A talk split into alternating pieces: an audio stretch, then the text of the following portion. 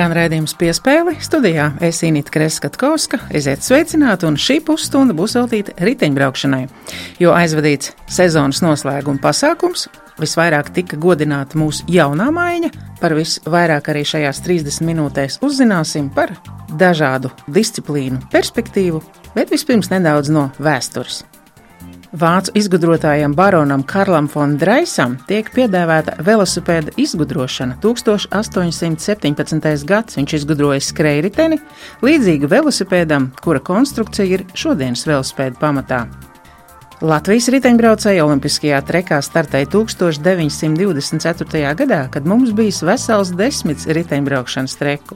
Mūsējie olimpiski sprintojuši arī otrās neatkarības laikā, kad treku mums vairs nebija bet olimpiskā medaļa šajā disciplīnā mums ir tikai viena. Imants Bodnieks izcīnīja olimpisko sudraba riteņbraukšanas tandēmā 1964. gadā. Romāns Vainsteins pasaules čempions šosejā Emīlija Sonka 1964. gads. Monblāna ziediņš uzplauka Francijas Alpos. Tādu virsrakstu toreiz par mūsu riteņbraucējas panākumu Francijas pilsētā Salanžē lika dzinieks un sporta žurnālists Juris Brežģis par Emīliju Sonku. BMX riteņbraukšanā, protams, Māris Strombergs un viņa divi olimpiskie zelti. Savukārt par Māra Stromberga zelta spīdumu nopelns ir arī Ivo Lakučam. Viņa arī aicināja uz sarunu riteņbraukšanas sezonas noslēguma pasākumā. Vai piekrīt, ka ir tāds tā kā viens posms pagājis tavā dzīvē ar Māra Stromberga paziņojumu, ka paldies? Nu, jā, protams, ka jāpiekrīt, ja tam ir. Jo, nu, kaut kad jau zinājām, tāpēc, ka tas notiks. Agri vai vēl tam jānotiek. Un, un, un, un, žēl jau, jo tā cerība jau īstenībā bija vēl, ka varētu vēl vienu ciklu no, novilkt, jo bija tāds labs plāns, mums bija sagatavots un vienkārši nu, kaut kas aizkavējās, nenotiek. Un, beigās. Tavs vārds pēdējā laikā mm, tiek saistīts arī ar to, ka mums Valmjerā būs nu, tik laba tā trase, kāda nekur nav. Vai tas ir tas, kas pārņem tavus prātus tagad? Jā, es diemžēl, vai diemžēl, vai par laimi, tiešām esmu ļoti daudz strādājis, daudz domājis ar galvu, lai viss saliktu uz papīra, lai tas viss pēc tam tiktu uztaisīts reālajā dzīvē. Un visu savu zināšanu, savu pieredzi, savus, savu kā, nākamo, nu, kā tas sports varētu izskatīties un kā viņam būtu jāizskatās, lai mēs nu, būtu atkal viens solis uz priekšu esmu arī ielicis tajā, konsultējoties gan ar braucējiem, gan ar visiem dzīves, BMX dzīves, vispār pasaules bidītājiem. Tad nu jā, kaut kā sanāca pusotru gadu pa lielam. Nu, visu likt un izdomāt, un tad nu, uz papīra izstāsta diezgan unikāls. Jo tiešām daudz strādāja un diezgan unikāls izskatās, ka to visu dabūt kopā. Tāds minimālais maksimums, nu, tas ir mans stils. Jo, nu, cik daudz līdzekļu mums ir, cik, cik, cik mums ir. Tagad mēs visi gaužamies par to, ka sponsori kļūst ar vien mazāk, vai tā, tās vecās sadarbības un iestrādes ir tās, kas palīdz, vai nu, tomēr, lai uzceltu kaut ko unikālu, arī par to īpaši jādomā. Nu, šajā jautājumā varētu būt skarbāks teikt, tā, ka mums sponsoru vairs nav arī federācijai un arī visai BMX saimē mums vairāk nav sponsoru. Pat rases būvniecība tur jāsaka, ir, protams, paldies. Seši gadi atpakaļ, kad mums bija tā medaļa, otrā medaļa, un tad jau bija konceptuāls atbalsts un arī no valsts jau bija tad piešķīrusi. Vienkārši nepietika tie līdzekļi, tāpēc mēs bijām spiest pārtaisīt to projektu pavisam mazāku, vēl, vēl minimal, minimalizētu. Un, protams, Valmīras pilsētas pašvaldība ir tas galvenais, galvenais ieguldītājs, kas ieguldīja sportā, balstoties to, ka ir panākumi un ka viņi arī nu, būs arī nākotnē. Kas ir tā jaunā maiņa, par ko mēs varam turēt īkšķus? Nu, meitenes arī jau sev sāk parādīt. Vai nu, tas um, ritenis ir pagriezies un veļās, un to vairs nevar apturēt, vai tomēr ir, ir lietas, ko mēs vēl no malas varam palīdzēt? Galvenais, par ko mums jātur īkšķi, lai būtu būt ģimenes, jo, jo sports nekas nav mainījies, kad sportā sāk ar ģimenēm, kad veidojās tās tradīcijas. Un, un tad arī mēs meklēsim tos, tos zelta, tos dārgakmeņus. Mēs centīsimies atrast. Bet pašreiz jā, mums ir nu, tāds varbūt klusāks periods, bet tas ir pilnīgi normāli saprotami.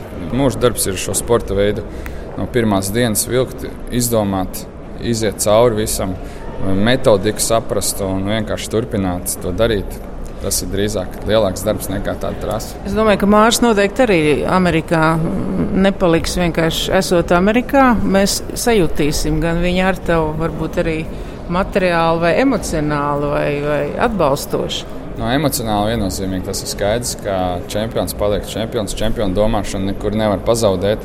Viņi vienkārši tajā asinīs un galvā sēž. Un, un noteikti tas ir viens no, viena no metodēm viņu piesaistīt vai būt tikt, tikt piesaistītam pie viņa, mācīt jaunos, rādīt, stāstīt, kā viņš to darīs. Jo tā ir vēsture, tās ir vērtības, tās ir tradīcijas. Un, un mēs bez tā, lai sasniegtu kaut ko augstāku, mēs bez tā nevaram vienkārši izdarīt izvilkt. Paldies, Ivo Lakučs bija pie Latvijas rādio mikrofona. Veiksim turpmāk.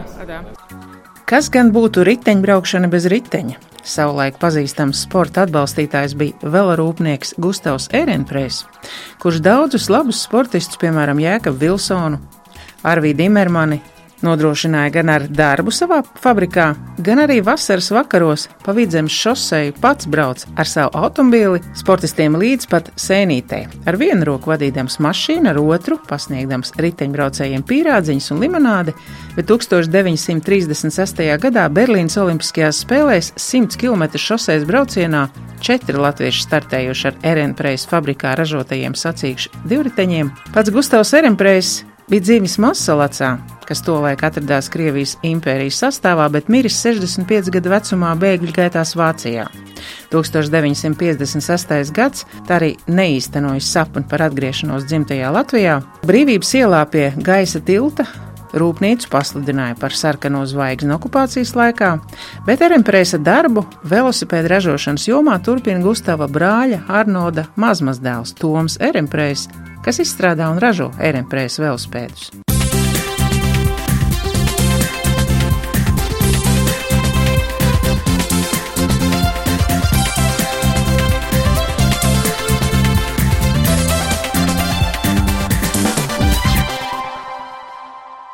Skan redzējums piespēle, un mēs turpinām par riteņbraukšanu. Toms Skuiņš šosezon patīkami pārsteidza savus līdzjūtējus prestižajā Tour de France velobraucienā uz pieciem posmiem, iegūstot savā īpašumā kalnu karaļa kreklu. Lepns par savu audzēkni arī viņa pirmais treneris Jānis Krišlauks, kur arī aicināja uz sarunu. Droši vien, ka ne tikai Toms, lai izaudzinātu kādu, ir jābūt um, lielai grupai, un tad no tās lielās grupas kāds tīradnis izveidojās. Ir tā? Jā, jā, jā. jā. Nu, katrā ziņā no kādiem, nu, Toms no kaut kādiem tur, neteiksim, tūkstoši, bet no kādiem 500. Nu, viens, jā. Pie treneru sajūta tajā bērnā kaut ko īpašu, varbūt pat ne to talantu, bet to mērķtiecību, to gribas spēku, vai tas bija arī Toms sakarā? Jā, nu, tas bija uzreiz, jā, kā Tom momentā varēja novērtēt, ka viņš ir uh, tāds darba mīlošs, jā, pieklājīgs, kārtīgs, gudrs. Nu, viss, kas vajadzīgs arī augstklases sportistam. Kā jūs pats nonācāt riteņbraukšanā, un kas bija varbūt tā jūsu personība, kas uh, lika palikt, uh, lika pierādīt, ka var Latvijā būt labi riteņbraucēji un, manuprāt, ļoti smags sporta veids? Nu, sporta veids tiešām ļoti smags, jā. bet nu, es pats esmu no Talsiem. Jā. Tāls bērnu jaunas sporta skolā toreiz, kā sauc. Ja. Iesākt trenēties ļoti vēlu, desmitajā klasē. Man tā nesanāca lielais sports, jo uh, vasarā bija jāiet uh, sezonas laikā strādāt, lai varētu, teiksim, nu, sev kaut ko nu, nu, nopirkt. Bet gan jau bija kāda personība, kas jūs uzrunāja, vai, vai tikai pie laba riteņa? Nē, nu, taisa jau bija ļoti izcili sportisti. Uh, kā arī Ingūns Kalnieks, Vladimirs Rībakovs, Zintars Lācis, pasaules čempions. Ja. Nu, ļoti, ļoti, ļoti daudz tādi, kur, kur tā kā, tā kā elki kuriem gribētu līdzināt, tiesa, bet nu, tā nesanāca. Man bija tā iespēja arī ar visiem būt pazīstamai ar šiem jūsu pieminētajiem leģendāriem sportistiem. Kādam ir nu, liktenīgs mūžs, varētu teikt, traģisks. Esot uz riteņa, ir jāiet bojā. Kādam ir uh, tik leģendārs stāsts, kā piemēram Ribakovam, kā viņš saka, nu labi, puiši, anekdotas es izstāstīju, tagad es braucu tālāk. Ja? Tas liecina par viņa līmeni. Jā. Jautājums par to, ka arī savulaik Erenpreis, tā mūsu rūpnīca, tā riteņbraukšanas eh, iespējas tikt pie laba velosipēda, laikam arī bija noteicošās esot šeit. nosacītais. Padomu laikos jā, bija sportā daudz vieglāk, riteņbraukšanas sportā. Praktiski visu iedeva. Tas gan bija gan krekls vienā krāsā, gan riteņi arī vienas markas. Jā. Bet, nu, it kā treneriem bija vieglāk. Šobrīd ir ļoti daudz firmu riteņu, kurus praktiski iegādājas vecā, vecāki par saviem līdzekļiem, arī tāpat arī apģērbu dārgs sporta veids. Kā jūs varat vērtēt? Es runāju ar olimpisko čempionu Igoru Vikrovu. Viņš teica, nu, labi, mēs varam par tiem laikiem runāt, ko gribam. Bet tomēr tad viss bērniem bija par brīvu. Tagad ir vecākiem tik jāver maciņu vaļā arī nometnēs. Vai jūs to izjūtat arī savā sporta veidā? To ļoti izjūtu, ļoti. Jo daudzi labi zēni ir vienkārši spiesti arī aiziet. Ja, jo paliek nu, pa dārgu ģimenei visas tās lietas, gan arī tie paši izbraucieni, nometnes, eh, nu, kur diezgan krietni jāpiemaksā klāt. Ja. Ne visiem tas ir par spēku. Toma variantā jūs esat viņu palaidis tā, varētu teikt, pasaulē. Nu, viņš pats jau ir eh, situēts un, un, un talantīgs un droši vien arī labi pelna. Vai jūs to jūtat vismaz tā emocionāli? Jūtat, ka šī situācija ir pienākusi? Šobrīd varbūt Toms pelna, teiksim tā, ievērojami labāk. Bet divus vai trīs gadus atpakaļ jā, viņš bija pie, arī atnāca pie mūsu grupas uz treniņu pirms braukšanas uz Ameriku. Tad arī bija mums tāda nu, pārunas grupai arī viņu. Tad gan viņš teica, jā, ka nav tas pelno, pelnošākais sporta veids. Jā, un, un, un, bet nu, šobrīd man liekas, viņam ir jau labāk. Bet nu, uz boks jau nepāries. Uz boks vairāk nepāries. Toms ir grupā, ka tāds elks kā paraugs, kuru es vienmēr pieminu un, un stāstu par viņu.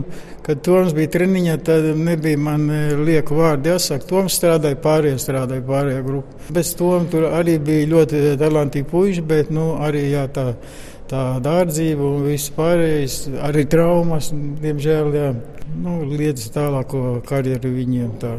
Kā jūs redzat, vai mums uh, būs vēl kāda Emīlija Sonka, vēl uh, Romāns Vainsteins, Dzinters Lācis, nu jūs pieminētās leģendas, vai mēs varam to sasniegt, un vai tas varētu būt arī jūsu audzēknis Toms Skuiņš? Nu, noteikti, ka Toms Skuiņš uh, vēl nav pielicis punktu. Viņš ir gatavs jau, kā teikt, jau nu, lielajā sportā iegājis platu solī, un no viņa var sagaidīt arī, arī pat podiumu gan pasaules čempionātā, gan arī Olimpiskajās spēlēs. Kas ir viņa šī gada mm, lielākais eh, panākums, kas jums liks skudriņām skriet pa muguru? Nu, es domāju, ka Tour de France, kad viņš tur eh, kalnu karaļa titulu pirmos piecas eh, etapas noturēja, tie bija lieli, lieli svētki Latvijā, ka Latvijas vārdu nesa pasaulē, kur skatījās tur miljoniem cilvēku. Un ka jūsu audzēknis ir kļuvis par kalnu karali tik prestižā velobraucienā. Jā. Tas tā ir, jā, tas arī uh, puišus tā tagadējos, kas trenējās, stimulēja, ka uz to sildi jābrauc biežāk. Mēs jau arī cenšamies to, lai, nu, ja nevar uzbraukt kalnā, tad, tad ir, kā teikt, ritimbraukšā diezgan, diezgan, diezgan nu, grūti, jā, kaut ko. Labi, liels paldies jums par paveikto, lai entuziasms turpmāk un lai izdodas sagaidīt vēl kādus patīkamus mirkļus. Paldies jums! Paldies jums. Mani sauc Toms Ustups un es arī trenējos pie Jāna Krišvoka. Cik lielā mērā jums ir svarīgi, ka Toms, tāds pats puisis kā jūs, nu, ir sasniedzis to, ko viņš ir sasniedzis? Un, un kā mēs arī noskaidrojām, šis kalnu karaļa tituls izskanēja pa visu Latviju, vai jūs arī tā kā jūtaties lepni, ka esat roku pielikuši pie tā? Jā, protams, tas ir forši redzēt, ka kāds no Latvijas arī Eiropā brauc labi un pasaulē. Man bija forši redzēt Latviju kādā Tour de France krako. Treneris teica, ka mm, jūs esat arī labākais Eiropā savā vecuma grupā. Uh, tas bija pagājušajā gadā, jo šogad man bija trauma. Šogad es nobraucu tikai pirmās sacensības, un pēc tam bija trauma. Bet nu, tie bija mani gadi tieši. 2004. tikai, tikai 2004. gada puiši. Jūs gribējāt teikt 18 gadu? Nē, tikai 14. Kas ir tā jūsu sporta skola? Treneris jūs pats ir no tālsiem. Rīgas citiem braukšanas skolas sadalīta vairākos kopos. Mēs esam RRS Purcījums, tad ir RRS Alfa un tādi vēl citi. Interesanti startēt Eiropā ar citiem no citām valstīm, redzēt, kā citi brauc. Ir forši redzēt, ka no Latvijas visu ko var izdarīt, un tad saprot, ka arī pats to var izdarīt. Un Tā vienkārši rodas motivācija visu ko darīt. Vai ir tāds tā tiltiņš starp uh, jūsu sporta skolu un titulēto audzēkni, kas, kas nu jau ir pavisam citā karaļa statusā? Viņš dod jau padomus, kā darīt, kā varbūt kādā brīdī nu, nesalūst vai, vai nepadoties. Toms mums nesen kaut kad bija atnācis uz treniņu bāzi un pastāstīja, kā viņam gāja, kad viņš trenējās un kā viņam tagad iet. Viņš kādus padomus arī iedeva, kā pareizāk ēst vai nē, kaut kādus McDonald's un tādas tos ēdienas, kas nav veselīgi. Kas ir uh, tavs augs sportā vai no tava personība, jo drīz būs arī lielā gada balva sportā? Nu, es teikšu, tas pats Toms Skuņš. Viņš kādreiz trenēs arī pie tā paša trenera, mana. Mm -hmm. Un um, garš, viņš kā augs. Lai Toms numur divi kādreiz būtu Toms numur viens, paldies par interviju un lai arī priecīgs šis vakars. Ja? Jā. Toms Marks vispirms apsveic ar uh, godalgām, ko tu esi saņēmis Smiltenē. Ja? Jā, liels prieks. Paldies savam dzimtajam novadam, Smiltenes novadam par atzinību. Gada balvu sportā tās tāds uh, liels pagodinājums bija. Un, uh, jā, tiešām paldies savam dzimtajam novadam. Man ir vēl pirmās atmiņas, kad pie tava tēva, Gunter Marks, mēs braucām vēl Jānis Lūsis, un, un, un tad tieši jau varēja just, ka cik ļoti lielā mērā viņš domā arī kā popularizēt jaunatnes vidū šo sportu, un, un tu esi šīs riteņbraukšanas pasākuma vadītājs, un droši vien, ka riteņbraukšana tā arī tavs sirdslieta, un tas, ka daudz jaunie saņem šodien balvas, ir apliecinājums tam, ka šī piramīda ir izveidota un, un turpina darboties. Jā, riteņbraukšanā ne tikai šosejā, arī BMX. Kalnu riteņbraukšanā jābūt šai apakšas piramīdai. Un šis vakars, šis čempionu vakars, ir tāds, kur satiekās visu riteņbraukšanas veidu čempioni, sākot no sešgadīgiem BMX braucējiem, ar šoseis jaunajiem zēniem, meitenēm, attiecīgi ar kalnu riteņbraukšanas arī jaunajiem braucējiem. Un tas viss auga līdz pat mūsu elites braucējiem, līdz Edžam Treimanim, līdz Vinetai Petersonai, līdz Kristam Nēlandam, Emīlam Liepiņam, Tomam Skuiņam. Šie visi ir mūsu laureāti šajā vakarā. Var just, ka visi ir ļoti iedvesmojušies no šī kalnu karaļa titula, no tās um, sajūtas, ka viņš ir mūsējais, ka mēs arī tāpat varam. Jā, tas, ko paveicis Toms Kuņš šajā gadā, ir milzīgs, milzīgs devums Latvijas riteņbraukšanai un, manuprāt, sportam kopumā. Tas iedvesmo ļoti daudzus jaunos puikas, un arī meitenes sāk nodarboties ar riteņbraukšanu. Tas parāda, ka, ja tu labi mini tos pedāļus, tev ir iespēja izveidot lielisku karjeru, arī nodrošināt sevi. Un, um, riteņbraukšana ir tiešām viens no interesantākajiem sporta veidiem. Tikai vienīgi arī tā iemesla dēļ, ka tu visu laiku esi kustībā. Tu redzi daudz, vari izbaudīt daudz. Un tie treniņi, kas tiek pavadīti šoseis riteņbraukšanā, vienmēr ir ļoti, ļoti interesanti. Tas, ko iegūst šeit, šie pirmie soļi riteņbraukšanā, tieši šeit uz vietas Latvijā, nu, ir tas, kas arī Toms Skuņš sāk šeit pat Latvijā, tāpat sāk šeit pat Latvijā Emīls Liepiņš un visi vispārējie. No maziem puikām, no Cārnikovas, Skuņš, no Liepiņš, no Dobeles, uh, Nēlands, no Kuldīgas. Kā mazi puikas, kas šeit pat būs, uh, mēs godināsim viņus kā jaunos sportistus. Viņi bija tādi paši un viņi auga uz augšu. Jā, tur īkšķi, lai viss izdodas. Protams, situācija, kad ir ļoti daudz citu sporta veidu, ļoti labā līmenī attīstīti. Tas jau pietiekuši sarežģīti. Jau riteņbraukšana nav vienkāršākais sporta veids, no tās loģistikas, tas tomēr arī kaut kāda veida.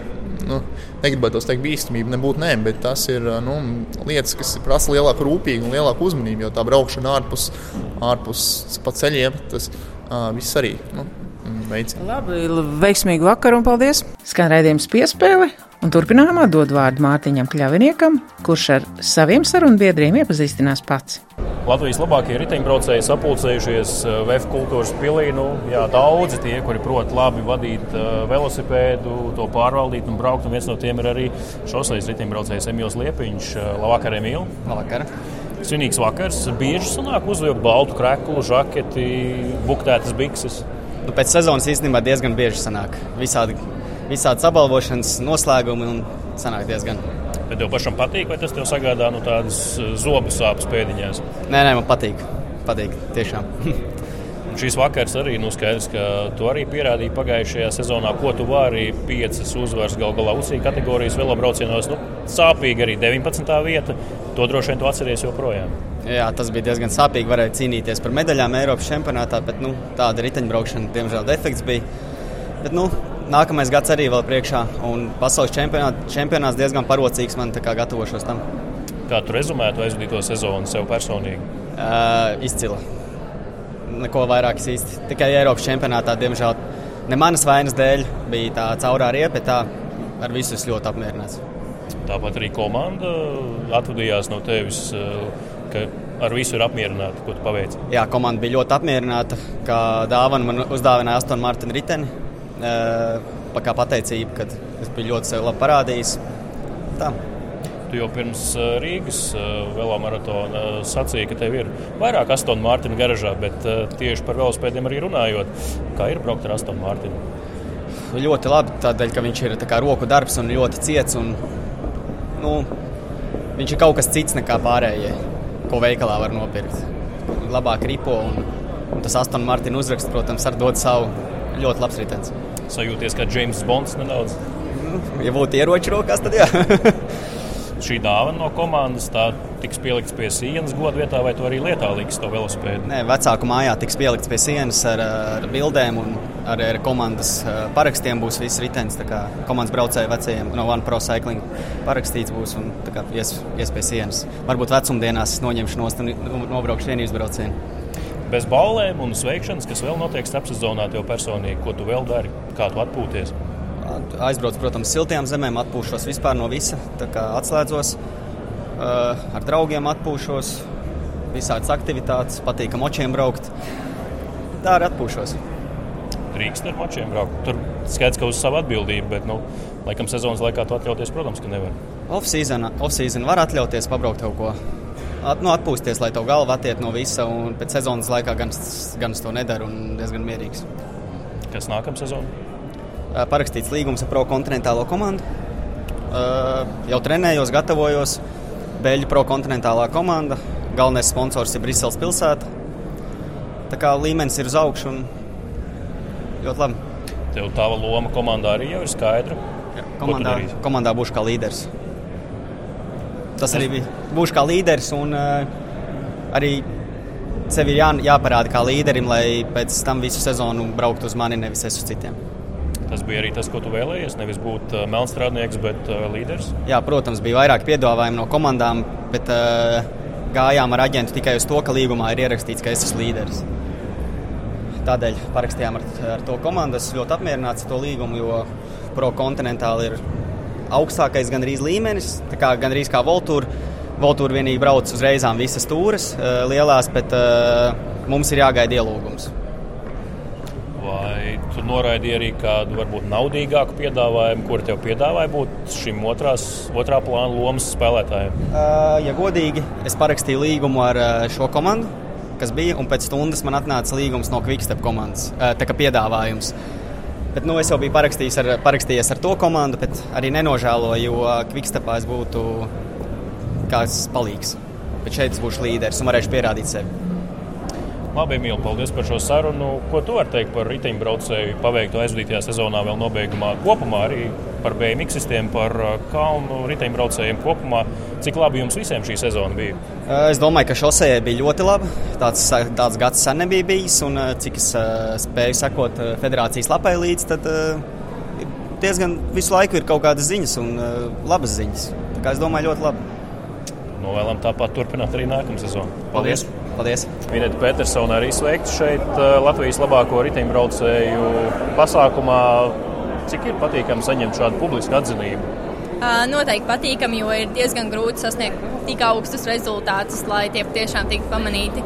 Tīpaši tādā elites grupā, startējot pirmo sezonu, tur ir prieks, ka cilvēki pamana, kad, kad ir bijuši labi rezultāti. Turklāt, nu, lai gan negribētos runāt par dzimumu vienlīdzību, bet tomēr joprojām šķiet, uh, dāmu PMX ir mazāk uh, pamanīts, izcelts nekā puikas un vīru. Um, nosacīti. Es domāju, ka PMX tā situācija ir salīdzinoši, salīdzinoši normāla. Uh, Tīpaši startējot pasaules kausos, mums ir vienādas uh, naudas balvas un uh, vienāda attieksme. Gan, uh, tā kā mēs esam arī respektētas. Tur kā, kā nav, nav tik slikti. Varbūt ir, ir pierasts, ka puiši brauc un, un, un uz tiem tiek vairāk skatīties, uz tiem tiek vairāk skatīts. Bet, uh, ir, uh, ir, ir tīri normāli. Sānsolis ar monobobslēju, ko tas tev ir devis? Um, pastījos, kādas, kādas izstītos citos sporta veidos. Um, bet izstāsta, ka BMX tomēr ir BMX liela mērķa, un, un, un tas bija tikai tāds pār, pār te patestējāmies. Tas arī bija laikam viss. Kā tev vispār ienāca šāda doma prātā, ka vajadzētu pamēģināt? Kā tu uzzināji par to? Uh, BMXistu vidū tā bija tāda vienbrīd aktuāla tēma. Un, un, un, Domāju, mēs esam salīdzinoši spēcīgi, diezgan daudz strādājam svariem. Tā kā domāju, ka varētu būt, varētu iestumt to bobu. Kāda bija realitāte, kad tu nonāci un tev tas bija jādara? Iestumt varēja, bet nepietiekami ātri. nav, nav tik viegli īstenībā. Tur ir tas bobs ir smags un, un, un diezgan daudz ir arī jāskrien, kas ir BMX sistēma īsti neparocīga tā skriešana. Tā doma ir vairāk pievērsties BMX-am un, un, un nākošā sezona sāks ļoti ātri. Nākošā nedēļā dodos pie komandas uz Beļģiju, un, un, un decembra sākumā ir vēl iekštelpas sacensības Francijā. Jau no vēl veiksmu un izdošanās, gan treniņos, gan arī sacensībās. Paldies par paveikto šajā gadā. Paldies! paldies. Latvijas labākais jaunais riteņbraucējs Niks Rožkalns sarunā ar Latvijas radio. Kā ir saņemt šādu atzinību? Šādu pūļu priekšā droši vien ļoti patīk. Ļoti patīkami. Tas ir liels gods saņemt šādu apbalvojumu. Pat, es pat teiktu, ka negaidītu, jo pēc skatītāja, pēc līdzjutēja balsojuma es biju ceturtais, bet nu, viss izvērtās beigās man pozitīvi. Tad, acīm redzot, speciālisti novērtēja tevis paveikto. Tā sanāk. Ko tu paveici pagājušajā sezonā, kas tev visvairāk pašu gandarīja? Protams, izcīnīt tā otrā vieta pasaules čempionātā. Varbūt nedaudz rūkums ir par to otro vietu, jo lielāko daļu trases bija vadībā pēdējos metros tikai zaudēja savu līderu pozīciju. Protams, arī uzvaru Latvijas čempionātā, kas vienmēr ir prestižs tituls, un arī piektā vieta Eiropas čempionātā un pirmā vieta Eiropas kausa kopvērtējumā. Tagad es dzīvoju Valmjerā, augstklases sporta sagatavošanās centrā. Pats nāku no Skrundas, bet jau divus gadus trenējos Valmjerā pie treneru Mika Puķīša. Ikdiena man ir, tagad, kad ir skola, ir skola, pēc skolas ir treniņš, Tad jau vakarā palielinām nekam īsti neatliek laika. Vai nu, vai nu nedaudz pamācās, vai nu papildus kaut kāds vingrinājums pateicis. Valmjerā viss ir pakārtots BMX tā, lai nekas netraucētu. Lielam, jā, viss ir pakārtots arī ziemas periodā, kad, ir, kad mēs sākam intensīvi trenēties, gatavoties sezonai. Tad arī mums reizēm sanāk treniņu stundu laikā, bet skolotāji ļoti saprotoši un atļauj mums tā nedaudz kavēt skolu. Tev jau te arī Toms Marks nosauc par, eh, vai kāds cits šķiet nosauc tevi par eh, negluži jauno Māšu Strombergu, bet ieskicēji to, ka tu varētu to viņa ceļu turpināt. Kā ir, ka tev šādu nastu jau tagad uzliek uz pleciem, atbildību un slogu bez mazliet, ka nu, Jānis, Jānis tas tituls? Nu, tas jau ir tikai tā, ka visi to saka. Protams, tu jau arī tiem, kam nav tas nasts, trasē, tāpat tās tiecies pēc tās pirmās vietas. Un, manuprāt, tas nav tik liela nasta, ka nu, tagad kaut kas varētu mainīties. Protams, jā, es domāju, tas ir mans karjeras mērķis nokļūt Olimpiskajās spēlēs. Un tas, uz ko es tiecos, ir Olimpiskais trīnieks. Protams, tas ir visiem BMX braucējiem, kas, kas trenējās smagi. Tas ir tiekties pēc Olimpiskajām spēlēm un atkārtot vai pat pārspēt Mārķa Stromberga panākumus. Nepilni trīs gadi, lai izdomātu, ko īsti pēc tam mācīties, bet pagaidām ir vidusskola un tad jau redzēsim novēlam izdošanos gan treniņos, gan arī sacensībās. Un tad arī tas olimpiskais trīnieks kādā no olimpiskajām spēlēm jau ir atnāks. Paldies! Izskan redzējums piespēle Mārtiņš Kļavinieks, Esinīta Kreskatkovska. Sakām paldies par klausīšanos un uz sadzirdēšanos kādu citu reizi.